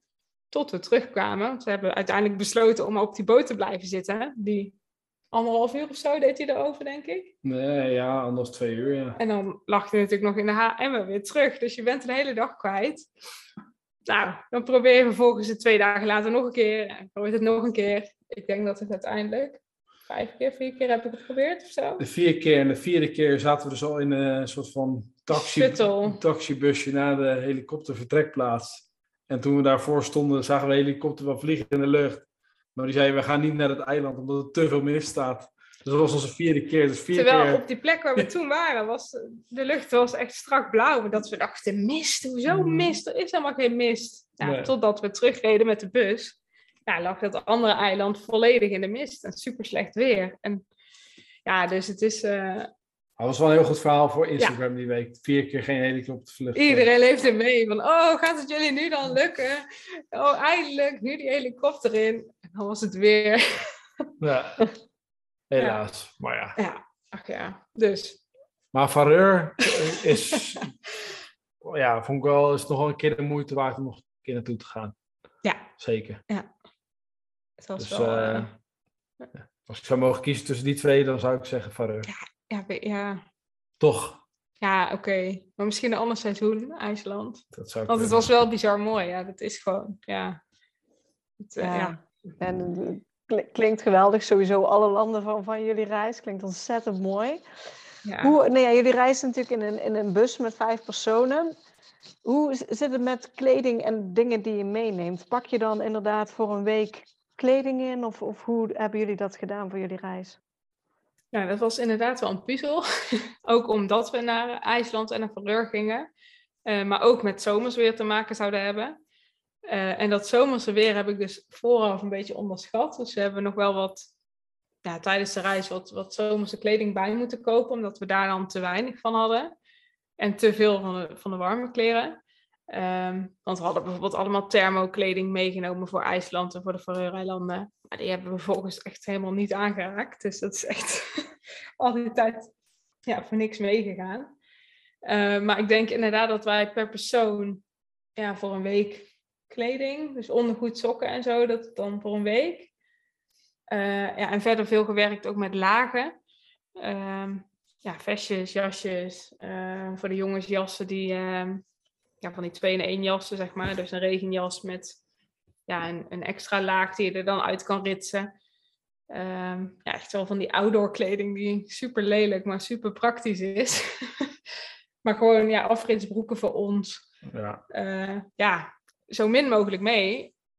En eigenlijk vind ik achteraf dat we echt nog wel te veel kleding bij ons Ja. hadden. Dat het, ja, je bent toch continu op zoek naar een wasmachine. Dat is mijn ervaring. dat zodra je kunt wassen, dan was je je kleding. Ja, en kun je niet wassen, ja, who cares, is dan eigenlijk ook wel een beetje. Ja, ja, alleen je ondergoed, ja, dat, maar dat kun je ook op de hand wassen, mocht het nodig zijn. Dus ja, achteraf, ja, ik denk alleen in Griekenland, die eerste maand, dat was wel even uitdagend qua kleding. Omdat we dus geen wasmachines konden vinden. Maar uiteindelijk hadden we ook genoeg kleding bij. Dus dat hebben we gewoon kunnen redden. Nee, de achteraf was Ja. dat, eh, zouden we de volgende keer nog minder meenemen.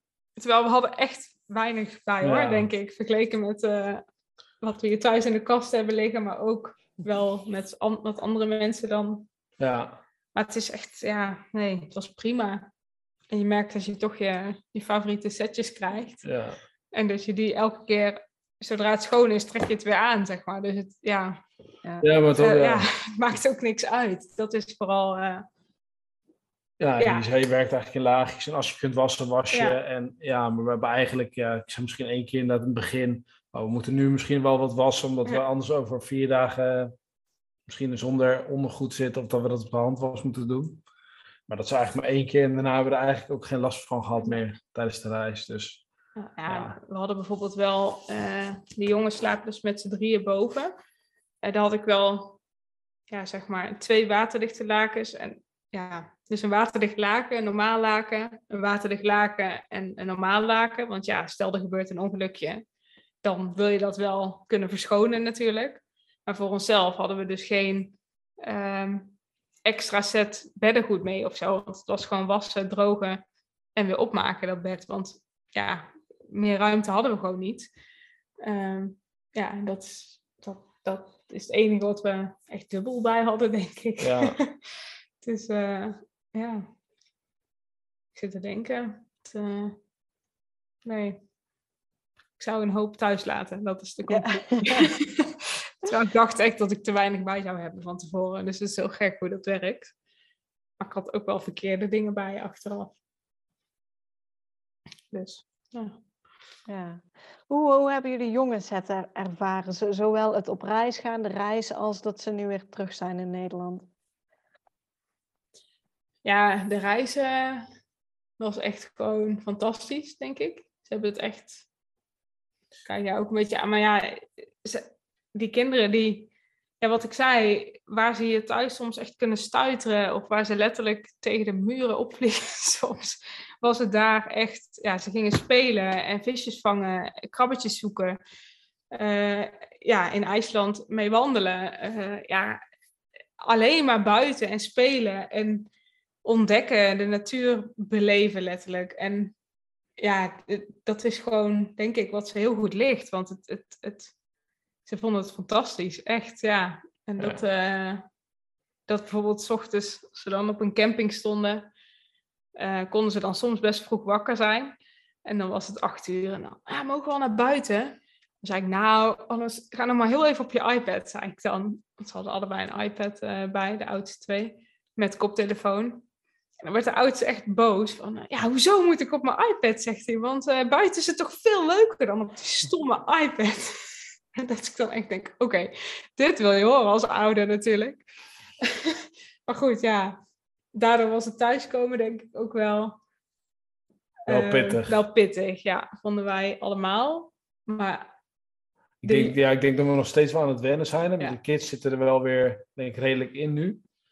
Maar het is gewoon, je zit weer in wat meer in de structuur met werk, school, ja. ritme, ja, wat je elke ouder zal herkennen. En ja, dat, dat ritme was juist met, ja, het was natuurlijk wel een soort van ritme tijdens het reizen, maar wel heel anders. Want ja, je had niet echt qua tijden een ritme en ja, het liep een beetje zoals het liep. En je had natuurlijk in die zin ook, ja, het was heel, je hoefde niet zoveel. Nee. En, en nu moet je weer best veel. Dus dat We is... volgden eigenlijk ook wel het ritme van de kinderen en van, van ja. de dag gewoon. Hoe de, ja. ja, hoe het liep inderdaad. Ja. En de ene keer was het 7 uur, 8 uur, 9 uur, 10 uur, 11 uur. Wanneer ze naar bed gingen. En ook 's ochtends. Ja, het... 11 uur was wel een uitzondering. Ja.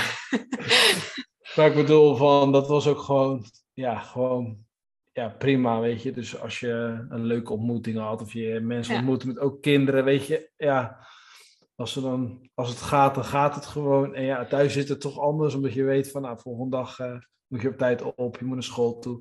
Dus het was wel even aanpoten, denk ik. Ik denk dat de kinderen het wel weer, ja, wel weer gewoon lekker gewend zijn. En ik denk voor ons is het gaat, ja, langzaam, ja, went het steeds wel een beetje. Maar ik denk dat we nog niet helemaal 100% geland zijn weer van het, van het reizen, om het zo maar te zeggen. Ik vond het ook wel heel bizar om te merken, de middelste bijvoorbeeld. Nou, ons huis was natuurlijk verhuurd, dus we hebben zoveel mogelijk uh, persoonlijke spullen en speelgoed. En dat hebben we allemaal op één kamer gezet en op de kamers van de jongens. Um, maar ja, meteen toen we thuis kwamen, gingen we alles weer terug verplaatsen natuurlijk naar onze kasten. En gewoon de spullen die van ons waren terug in het huis brengen. En toen zijn we begonnen met het speelgoed. We dachten, nou, dan maken we één speelkamer en daar... Nou, en dat speelgoed kwam voor de dag. En een soort van... Ja, nou, ik kan het niet zo goed uitleggen, maar van dit speelgoed naar dat speelgoed naar dat speelgoed. Dus al die prikkels letterlijk van, die, van al dat speelgoed, die kwamen zo binnen dat je hem gewoon eigenlijk... Hij had voor niets tijd, maar hij wilde alles. En Terwijl we een half jaar eigenlijk geen speelgoed hebben aangeraakt. Want al het speelgoed wat we hebben meegenomen, dat is een soort van onaangeraakt in de tassen gebleven. Dat ik ook echt dacht, nou dat zou ik nooit meer meenemen. Op emmertje, schepje, dat soort dingen na dan. Um, ja, en, en dat vond ik heel bizar, want hij had daar echt last van. Dat hij echt... Het was te veel. Het was te veel. En daar schrok ik wel van. Ik dacht echt, wow, oké. dit doet het dus met een kind eigenlijk. En daar ben je normaal niet zo bewust van, denk ik. Maar ja, ik vond het wel heftig om te merken dat hij zo ja, bijna ja. doordraaide van ja. Ze hebben eigenlijk wel heel weinig nodig gehad tijdens de reis. Daar komt het ja. eigenlijk op neer. En thuis is dat gewoon ook, ja. Dat contrast was gewoon extreem, ja. Dat is wel een goed, ja, goed praktijkvoorbeeld om het zo maar te zeggen. Echt, uh... Maar ja, daar was het inderdaad gewoon uh, de, de diertjes, de natuur, uh, ja, gewoon bezig zijn. En nou ja, ze konden heel de dag bewijs van uh, zoet zijn met kikkervisjes vangen en uh, ja, zulke soort dingen. Ja, gewoon de hele dag. Uh... Ja, en ik, ik had ook wel het gevoel dat ik ze. ze hadden daar natuurlijk letterlijk meer ruimte, maar ook dat ik ze meer ruimte durfde te geven en kon geven. Omdat het een soort van veilige natuur was of zo. En ja, hier hebben we hebben niet zo'n hele grote tuin, we hebben gewoon een soort rijtjeswoningtuin. Um, ja, je merkt gewoon dat ze eruit willen. Ze willen letterlijk die poort uit en de naar de speeltuin. Maar ja, dan rijden auto's. Oké, hou ik je dan thuis of niet? Of wel? Of, ja, dat vind ik nu nog steeds wel even zoeken. Dat ik denk, ja, toevallig loop ik nu op krukken zelf. Dus dat is ook, ik ben gevallen. Niks ernstigs, maar dat maakt het helemaal wel, denk ik. Normaal ga ik dan met ze naar de speeltuin of hè, dan ga ik erop uit. Maar dat is nu ook wat, wat moeilijker. Dus ze zijn nu deze week ook nog meer thuis. Maar ik merk dat het voor iedereen wel ja, intens is. Ja, heftig is soms. Ja. Toch? Ja. Kijk, uh, ja. Of niet? Ja, nee hoor. Ah. Goed. Uh, ben je goed verwoord. Ja, oké. Ja. nou ja, in, in, ieder geval is door deze reis toch weer ook bij jullie een plantje gezaaid, zeg maar, voor, uh, voor de volgende reis.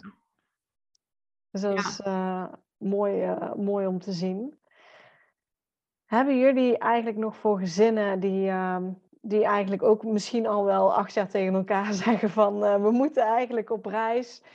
Tips, zeg maar, um, nu jullie het gedaan hebben.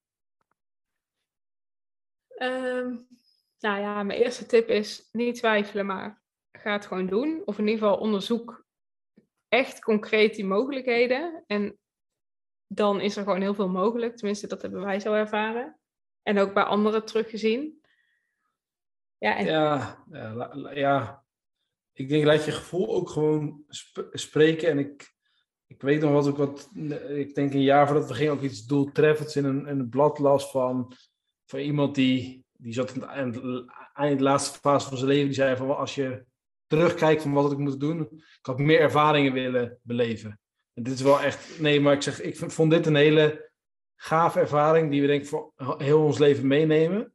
Ja. En ja, ik ben heel blij dat we het gedaan hebben, omdat je dan wel even, ja, dit hebben we met het gezin echt, ja, echt mogen beleven. En uh, ja, ik zeg, laat je gewoon niet tegenhouden. Dus als dit gevoel is, dan, dan moet je er gewoon voor gaan. En natuurlijk zijn er al wat hobbels en bezwaren. Alleen ja, die kun je ook zelfs zo groot maken als je wil. Je moet daar toch een beetje in, ja, zoek daar een beetje een, een weg in, om het zo maar te zeggen. Ja. Ja, een tip, ja. Nou ja, wat ik net al zei, als je dan gaat, wil niet alles tegelijk. dat is ook nog wel. Uh... Nou ja, dat, dat is meer mijn tip aan mezelf, denk ik. Dat ik denk, uh... ja. Twee landen was eigenlijk ook prima geweest. Terwijl, uh... ja, twee is misschien wel heel weinig, maar ik bedoel, ja. ja. Reizen in een rustig tempo is niet per se minder fijn, denk ik dat is wel iets wat ik mezelf wil meegeven. Ja. ja. Maar ja, mensen, ja. Ik weet niet, ja, ik, ik, ik vond het gewoon super waardevol om ook dit met de kinderen te doen. En dat je vaak toch wel ook van mensen hoort van ja, maar die kinderen. Of ja, nu hebben we kinderen. Ja, ja en dat dat, ja, dat vind ik zo niet waar gebleken, zeg maar. Dat ik, ja, ik vond het zo waardevol juist om met de kinderen te reizen en ook om soms door die ogen van die kinderen te kijken en te vertellen over een land. En ja, het contact dat ze met mensen hebben gehad. Of, of ja, nee, ik, ik vond het zo waardevol. Dat, dat wil ik eigenlijk ga gewoon. Mensen, doe het. ja, dat, uh... uh, ik, ik, denk dat dat uh, mooie woorden zijn. Uh, nou, jullie hebben helemaal benieuwd, uh, helemaal in het begin jullie Instagram genoemd. Misschien nog goed om een keer te benoemen voor waar mensen foto's terug kunnen kijken van jullie reis en wellicht jullie nieuwe avonturen kunnen volgen. Dus hoe heet jullie op Instagram? Ja, wij zijn dus YOLO-avonturen van Joost en Lorraine, dus geschreven met een J. dus, daar zijn we ook achter gekomen dat dat misschien niet de meest goede naam is die we hadden kunnen kiezen. Want het is altijd dat mensen denken van, oh, you only the one, zeg maar. dat is het helemaal niet. Het was gewoon van Joost en Lorraine. Ja. Avonturen. Nou ja, dus dat. En daar staan inderdaad foto's op en hebben we wat bijgehouden en zo. Dus uh, ja. ja. dat... Uh, ja, leuk. Ja. Kunnen ze daarop kijken. Ja, en dan wil ik uh, jullie uh, ontzettend bedanken voor jullie openheid, jullie tijd en uh, ja, alle mooie verhalen en tips die jullie gedeeld hebben. Jij ook bedankt. Wat leuk dat je dit doet zo met, met al die reizende families.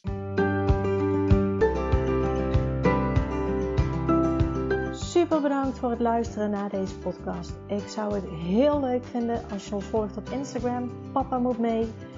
Deel deze vooral in je stories als je hebt geluisterd en tag ons en laat ons weten wat je ervan vond. Tot de volgende keer.